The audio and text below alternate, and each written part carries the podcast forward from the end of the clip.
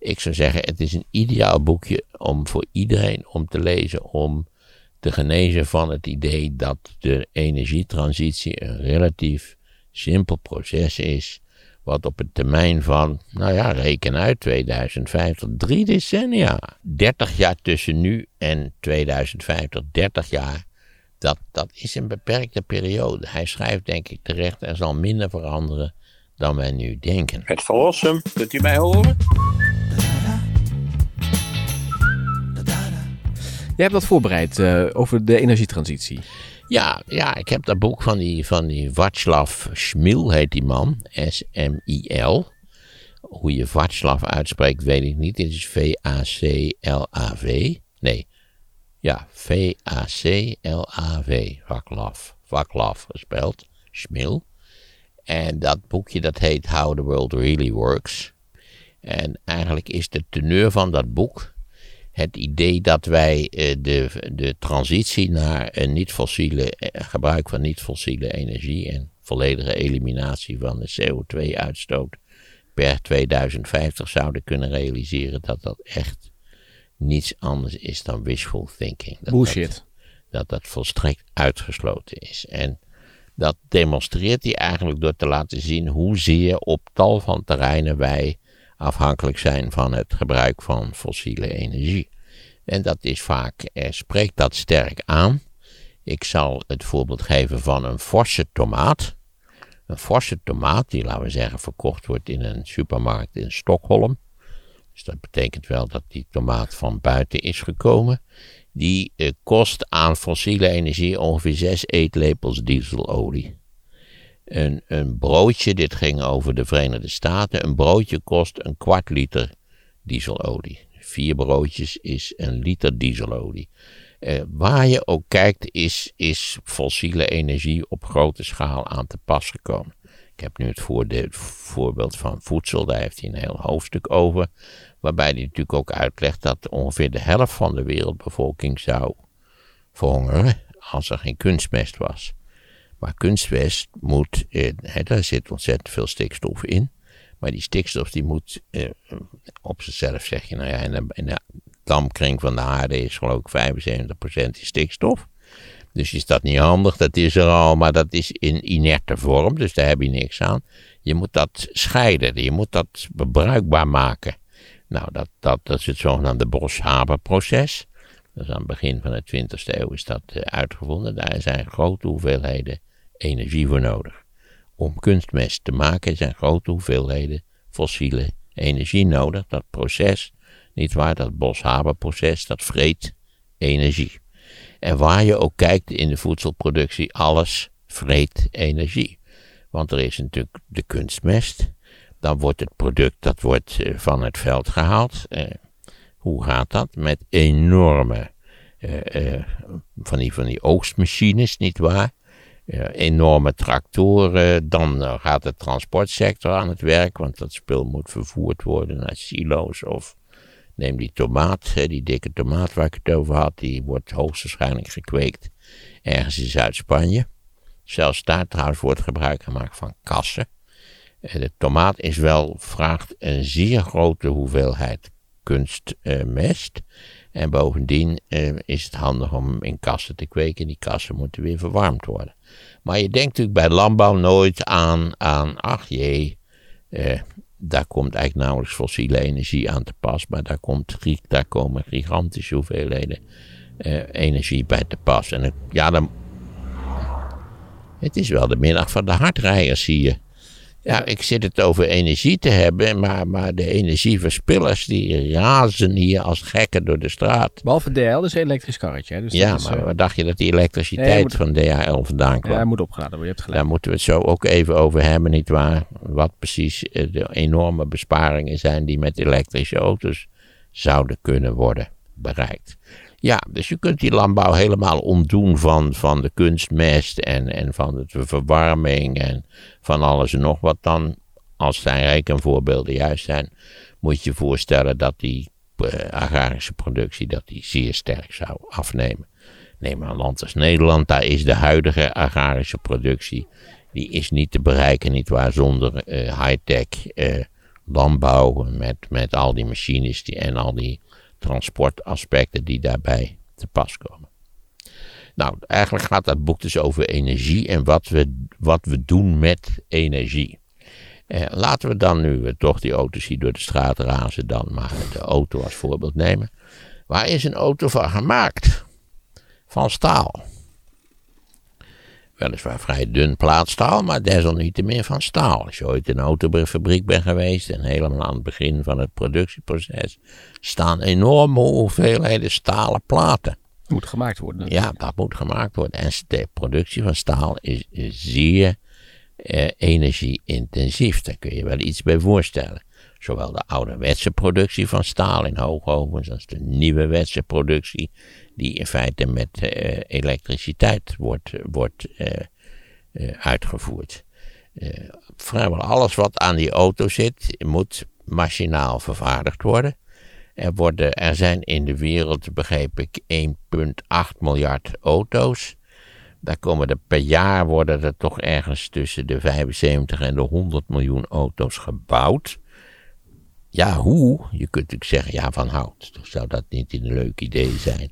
Of van plastic. Maar waar wordt plastic van gemaakt? Van olie. Dat is een kraakproduct. Hè? Die olie wordt in allerlei verschillende onderdelen uit elkaar gehaald in een raffinaderij. Het heet niet voor niks raffinaderij natuurlijk. Dus ook daar geldt dat die, die, die honderdduizenden, miljoenen tonnen plastics van allerlei soorten, want je hebt allerlei soorten van plastic, daar, daar komt ook uh, een aanzienlijk uh, energievretend proces ligt daar aan ten grondslag. Hij geeft ook de vier belangrijkste blokken eigenlijk, of onderdelen van waarmee wij bouwen en werken. Dat is dus natuurlijk staal, dat is cement. Bij de productie van cement wordt heel veel energie gebruikt, echt heel veel energie. Dat is waar waar staal, plastic, cement uh, wat is er nog meer? Uh, ammonia, dat is voor de kunstmest. Maar die kunstmest, dat is een wereldwijd probleem. Je kunt niet ophouden met de kunstmest. Want dat betekent dat de helft van de wereldbevolking dat die verhongert. Uh, als je dit al wil doen, dan zul je al die zaken voor heel voorzichtig moeten afbouwen. Maar dan is de vraag, stel voor je, je, je houdt op met de cementproductie. Of je wilt die zodanig maken dat, je, dat er geen fossiele brandstof meer aan te pas komt, dan zullen we dus in feite een, een, al die, uh, hoe moet je dat zeggen, al die productie van energie zonder fossiele brandstoffen te gebruiken, die zullen we enorm moeten uitbreiden. Als je kijkt naar de afgelopen twintig jaar, zie je dat op zichzelf windmolens en, en alles wat daarmee samenhangt, dat dat sterk uitgebreid is, maar dat tegelijkertijd de productie van fossiele of het gebruik van fossiele brandstof ook nog fors gegroeid is in de afgelopen twintig jaar. Neem een land als China, dat doet veel aan alternatieve uh, energieopwekking, maar tegelijkertijd is daar het percentage fossiele energie wat ze gebruiken, dat is toegenomen. Zelfs in landen waar ze heel veel gedaan hebben aan, aan windenergie en, en alles wat daarmee samenhangt. En kunnen we daar nog meer voor verzinnen? Nou ja, alles wat, wat laten we zeggen, energie opwekt zonder, zonder panelen bijvoorbeeld. Daar is in Duitsland allemaal veel aan gedaan. Dat is ook fors gesubsidieerd. Maar nog steeds is daar meer dan de helft van het energieverbruik. Dat is fossiele energie. Zou je iets kunnen doen met nucleaire uh, energieopwekking? Ja, dat kan. Maar ja, we hebben net op allerlei terreinen besloten dat niet te doen. Dus dan moeten we weer een hele slag maken om het mogelijkerwijs weer wel te gaan doen. Dat duurt jaren en dat is, kost heel veel geld. Hè? Dat duurt jaren. En, en nou ja, als je dus denkt wat het in Nederland allemaal moeite kost om betrekkelijk simpele dingen te doen. Dus je zegt, we hebben besluit om tien uh, nucleaire centrales in Nederland erbij te bouwen. Wanneer zou dat klaar zijn bij de huidige productiecijfers? Nou ja, ik weet niet, tegen de tijd dat jij 95 bent waarschijnlijk. Ja, op zijn vroegst. Ja, zoiets. En je moet ook de overheid gaat mee financieren, maar je moet ook een bedrijf hebben. weer milieueffectrapportage, alle omwonenden komen in opstand. Je weet, je en bedrijven moeten meedoen, die moeten mee willen investeren. Want dat is natuurlijk een merkwaardig probleem in een land als Nederland. Dat is allemaal geweldig georganiseerd. Eh, maar ja, de burgers kunnen natuurlijk door te procederen en te zeggen, ja, dat is gevaarlijk en, en maar dat willen we niet. Eh, kunnen ze allerlei processen natuurlijk eindeloos traineren. Aan de ene kant willen we dat graag en aan de andere kant zijn we boos als het eindeloos getraineerd wordt door anderen dan, wij, dan onszelf vanzelfsprekend. Nou ja, goed. Maar goed, dus de algemene toon van dat boek is ons energiegebruik, is ons gebruik van fossiele energie, is ongelooflijk omvangrijk. Ook op terreinen waar je dat niet 1, 2, 3 zou verwachten. En de kans dat we dat allemaal kunnen uitfaseren voor 2050, die is 0,0. Dus dat gaat, zal veel langzamer gaan. Dan zullen natuurlijk allerlei mensen zeggen, ja, dat, dat leidt tot, tot uh, verschrikkelijke toename van de temperatuur. Hij zet ook wel een vraagteken bij uh, complexe voorspellingen. Ook als het complexe computervoorspellingen zijn met veel variabelen. En geeft natuurlijk een hele reeks van komische voorbeelden van complexe voorspellingen uit het verleden die totaal niet zijn uitgekomen. Maar. Noem er daar eens eentje van. Nou, bijvoorbeeld dat, dat een groot deel van de, bevolk, van de wereldbevolking sowieso zou verhongeren in de jaren 70 en 80. Omdat geen rekening was gehouden met de introductie van nieuwe graansoorten. Die in allerlei opzichten veel productiever zijn. En het massale, veel sterk gegroeide gebruik van kunstmest. Het nog steeds is dat zo. Dus dat, men voorspelde hongersnood. Het blijkt ook dat substitutie vaak mogelijk is. Dus het ene materiaal is te duur of er is te weinig van, dan kun je een ander materiaal gebruiken. Op zichzelf is de mensheid ongekend inventief.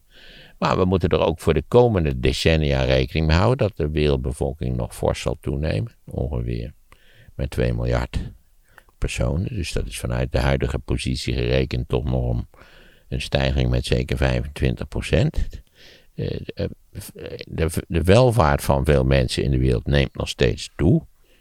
Denk ook aan natuurlijk de effecten die de, de groei van China heeft gehad. Ja. India, zometeen? Ja, India komt dan ook nog. En eh, China is 1,4 miljard inwoners. India vergelijkbare cijfers.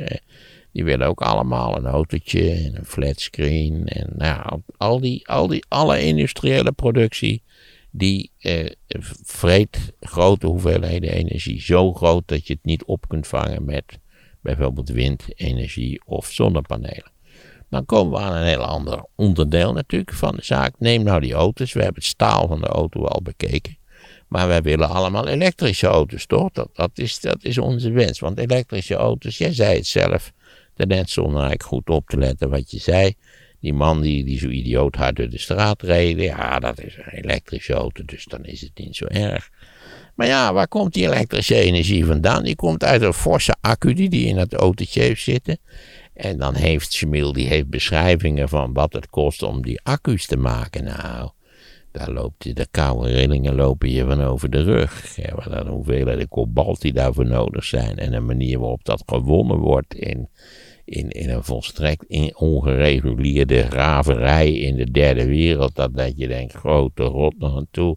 Het idee dat we die, die kleine 100 miljoen auto's die we jaarlijks gaan bouwen, dat die, dat die allemaal met zo'n accupakket moeten worden uitgerust. Is op dit moment geen sprake van dat dat uitvoerbaar is. Dat is gewoon flauwekul. En dan moet je nog ermee rekenen dat in een land als Nederland grote delen van het elektriciteitsnet helemaal niet berekend zijn op het feit dat, dat iedereen een elektrische auto rijdt. Het aantal elektrische auto's is natuurlijk wel wat toegenomen, vooral door het, succes van die Tesla 3.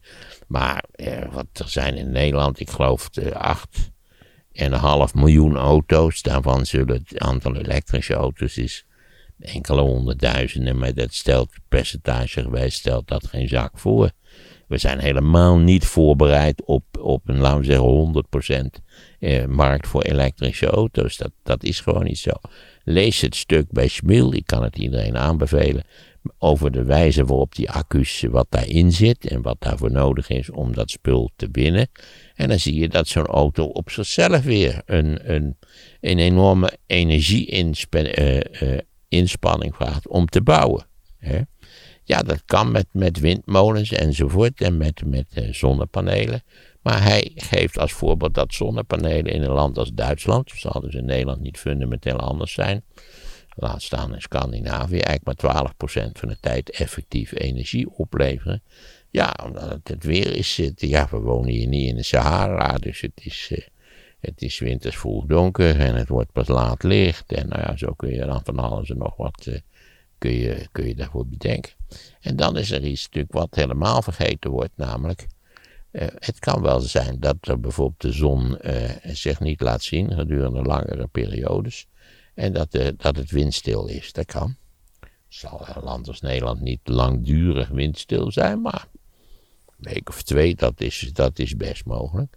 Dus je hebt overal waar je afhankelijk bent van energie die wordt opgewekt door windmolens en de zon, zul je een enorme hoeveelheid eh, extra capaciteit moeten hebben om in die periodes dat je, dat je dus de windmolens niet draaien en de zonnepanelen ook niet veel opleveren, om dan, om dan capaciteit te hebben.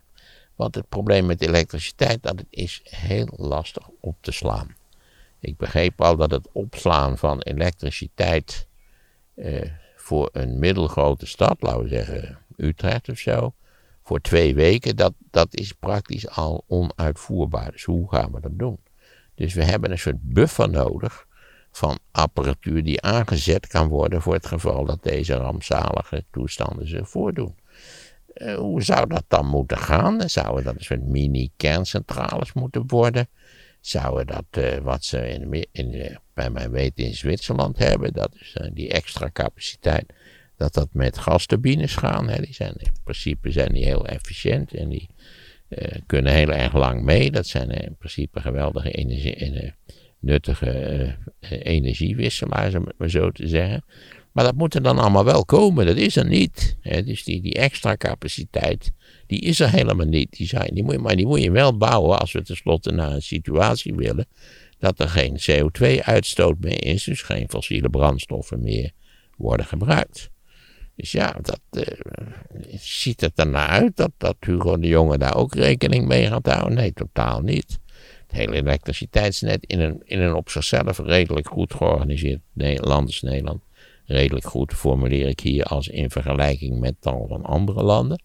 Uh, dat is helemaal niet op orde. Dat, dat, daar zou nog van alles aan gedaan moeten worden.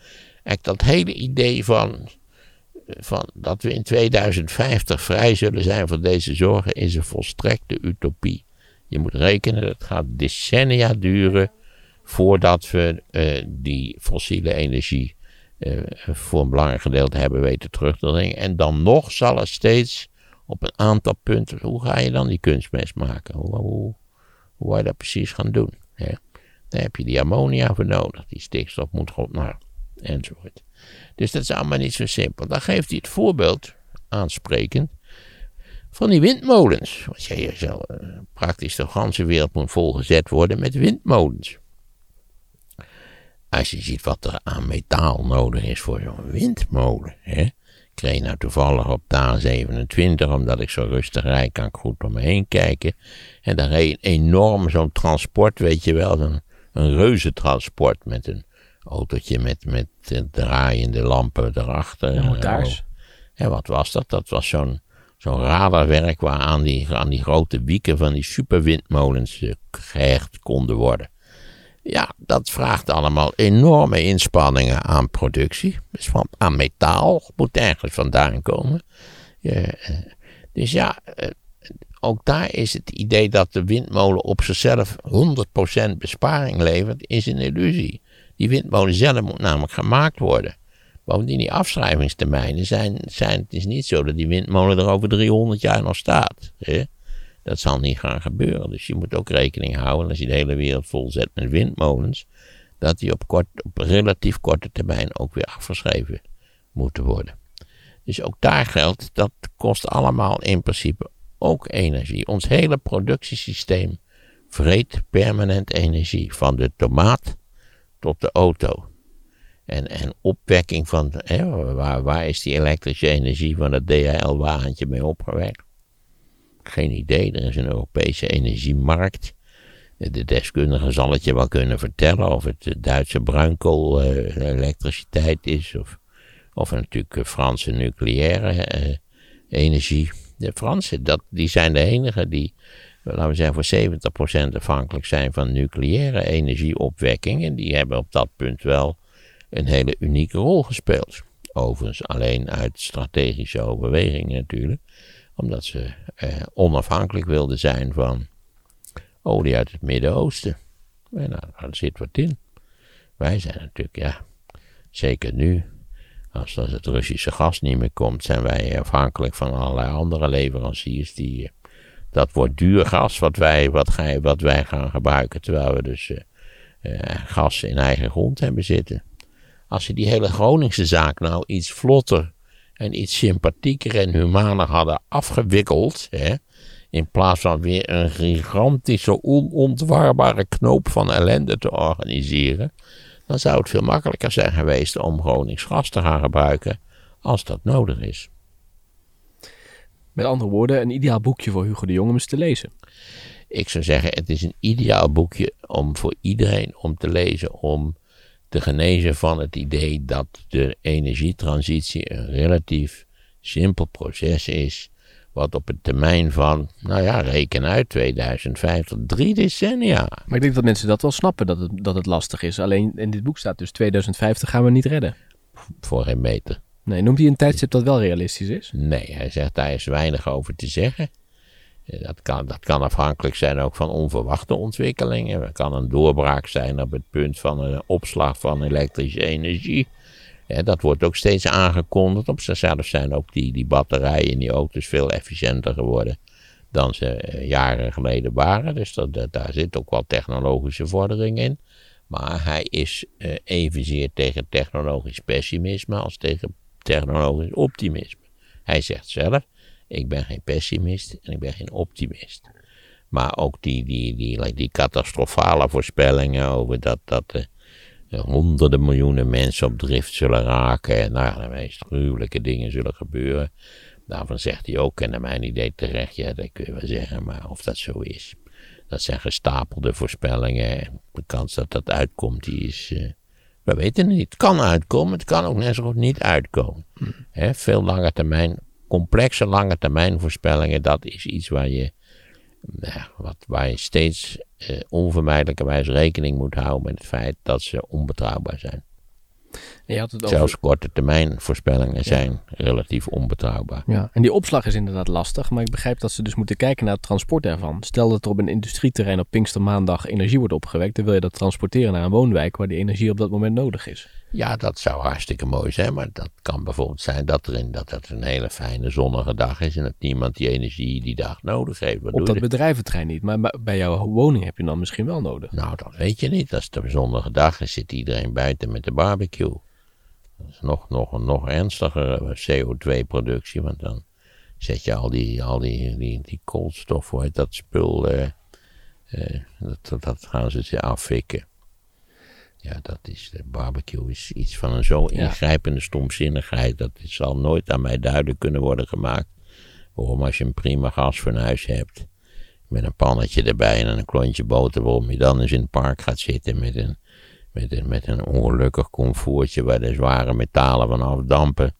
Het, het is voor mij een raadsel. Maar ik begrijp dus van de deskundigen dat we eh, het netwerk zoals we het nu kennen, dat, van dat idee moeten we af. Eén groot netwerk waar je op aangesloten kan worden. Het wordt allemaal kleine lokale netwerkjes. Dat zou kunnen, maar dat weten we ook niet precies. Nou, dat zeggen nu Want dan mensen zullen die zijn. lokale netwerkjes waar gebouwd moeten worden, die zijn er dus niet. Nou ja, dan kun je misschien wel gebruik maken van bestaande dingetjes. Dat is de vraag. En dan is nog maar de vraag: zijn die lokale netwerken efficiënt genoeg? En, eh, Kunnen die bijvoorbeeld aan, aan, aan piekvraag voldoen, ja of nee? Eh, hoe komen die lokale dingen dan aan hun energie? Dat zal dan toch uit een beheer. Want je kunt in elke woonwijk natuurlijk een, een, een, een, een soort van mini-centrale bouwen. Dat gaat ook weer niet. Nee, nee. Maar ik vond een mooi voorbeeld vond ik bijvoorbeeld eh, vrachtwagens, zwaar transport. Daar moeten natuurlijk nog zwaardere batterijen in.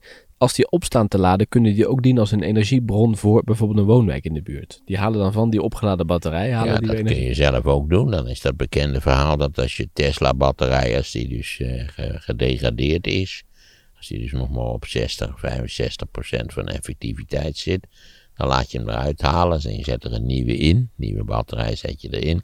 En die oude batterij, die heeft in feite nog een vrij omvangrijke capaciteit. Dat heeft ooit een auto aangedreven. En die laat je dus in je hal monteren en die gebruik je als batterij. Die kun je dus opladen eventueel met, met je zonnepanelen. En dan eh, tegen de tijd dat de zon onder is, dan eh, heb je daar energie van. Hoe dat precies gaat of kan, dat weet ik niet. Of wat dat, dat de relatie met zo'n warmtepomp is, dat weet ik eigenlijk ook niet. Wat ik erover heb gelezen, maar het kan ook zijn omdat ik sowieso altijd denk van het is mooi gelul, maar de vraag is, kan het ook? Is dat die warmtepompen bepaald nog niet een hoogtepunt van efficiëntie zijn. Dus laten we dat eerst, ook, daar vond ik ook Hugo de Jong wel weer erg van. Allemaal aan de warmtepomp. Kan niet bommen wat het kost. Kom op, Hugo de Jonge. we zijn niet allemaal in Nederland, eh, zitten we niet allemaal op een inkomen van een ton per jaar dat uh, speelt natuurlijk ook een rol. Het modale inkomen in Nederland is uh, eh, 36.000 en nog zo wat euro per jaar. Dat is dan nog een bruto inkomen. Ja, wat ga je die mensen allemaal aandoen met je, met je maatregelen? Daar moet je wel goed over nagedacht hebben. Ga je dat allemaal subsidiëren? Hoe gaat dat dan? En mogen we dan rekenen dat dat iets efficiënter gebeurt dan andere subsidieregelingen die we in Nederland kennen? Eh, is het zo dat ook een consistent subsidiebeleid gaat worden gevoerd. Want je weet dat was in het verleden. Zodra een subsidie in Nederland succesvol is en dus geld gaat kosten, dan wordt die afgeschaft. Ja, dat zie je nu met die auto's. Hè? Ja, dat is, zijn, ze hartstikke, zijn ze hartstikke goed Ja. Ja, dus, maar goed, uh, lees het stukje over wat je nodig hebt om zo'n batterij voor zo'n auto te bouwen. Ja. Dat, is. Nou, nog en als je dat denkt dat zo'n batterij ook maar een paar jaar meegaat, dan ik was laatst in Helmond, daar ging het ook over batterijen. En zeiden ze, er komt een enorm tekort komt er aan batterijen. Dus wij moeten batterijen gaan recyclen, want anders dan kunnen we helemaal niet, al die ambities die we hebben, die kunnen we helemaal niet waarmaken. Ik begreep dat onze onsterfelijke vriend Elon Musk ook een recyclefabriek gaat bouwen voor die, voor die batterijen van die Tesla's. Ja, maar VDL, de bussenbouwer, die was daar ook. Die hebben dat straks ook nodig voor de bussen en de vrachtwagens. En die denken erover om niet alleen maar samen met anderen zo'n fabriek te bouwen waar je gaat recyclen. leuk. En op welke termijn gaat dat dan allemaal gebeuren? In feite wordt er voortdurend getetterd over elektrische auto's. En, en het is een minuscuul deel van de markt. Behalve in wijken waar de mensen het wel een beetje kunnen betalen. nogmaals, er zijn in Nederland 1 punt... Nee, wat zijn was toen... In Nederland zeg maar is het ongeveer de helft, zijn er 8,5 miljoen auto's. Voordat dat, het idee dat dat op korte termijn allemaal elektrisch aangedreven auto's gaat worden, vergeet het maar. Er worden op dit moment nog steeds veel meer auto's verkocht met een klassieke motor. Ja, kijk maar in de straat. Dan met een, dan met een elektrische outillage. Ja, kijk maar wat hier staat. De overbuurman heeft een elektrische auto. Daar hebben ze een elektrische auto. Ik heb een hybride auto, maar dan... Eh, en dat is dan nog, er staan niet veel Tesla's in de buurt. Nee. Het voordeel is wel dat sommige maar mensen... ga je een wat mindere buurt kijken in Utrecht, ook het aantal Tesla's is daar niet groot. Nee, dat ben ik met je eens. Dat klopt. Wordt natuurlijk ook heel vaak van de zaak gereden. Ja. Dat, ja. Eh, dat is ook wel zo handig. Maar dat is op zich goed, toch? Als je dan zo'n auto kunt rijden. van harte toe. Maar, maar nogmaals, er wordt heel... Ook 30 jaar tussen nu en 2050, 30 jaar dat, dat is een beperkte periode. Hij schrijft denk ik terecht, er zal minder veranderen dan wij nu denken. Hm. Laten we dat afronden met de bekende voorspelling van de zelfsturende uh, auto. Eh, wat hebben we daar niet over gehoord? Wat hebben we daar niet voor meesterlijke stukken over in de krant gelezen? En wat blijkt, dat is allemaal niet zo simpel te realiseren als wij dachten. Dat gaat er namelijk helemaal niet komen ondersteuning, ja. Maar echt een auto die je, hè, zoals het idee was, je gaat in je auto zitten, slaat een boekje open. Oh, wacht even, we moeten de auto nog even vertellen. We moeten naar de, de Stadhoudersstraat in Breda. En dat hij dan, boem, hij start, hij rijdt weg en hij rijdt zo naar Breda en parkeert daar in de stad. Nee, dat gaat dus niet gebeuren. Nee. De vraag is ook of dat sowieso zinvol is, want dat vraagt natuurlijk een immense investering aan in computerrekenerij en in een computer die dan klaarblijkelijk in elke auto moet zitten. Plus nog de hele boel met camera's en ik weet dan niet wat voor sturende spullen. Je vraagt, kun je afvragen hoe efficiënt het eigenlijk is. Het is ook een beetje een droombeeld, hè?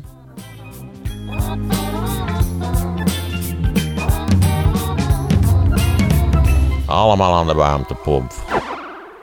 Maarten van Rossum over Hitler. Er zijn maar heel weinig mensen die zo oud worden. En Hitler is helemaal niet erg oud geworden, want Hitler is natuurlijk uiteindelijk maar 56 geworden. Hij zelf was er ook van overtuigd dat hij niet oud zou worden. En we kunnen niet anders zeggen dan op dit punt eh, bleek hij het gelijk volledig aan zijn kant te hebben. Een nieuw luisterboek, nu via de link in de beschrijving bij deze podcast.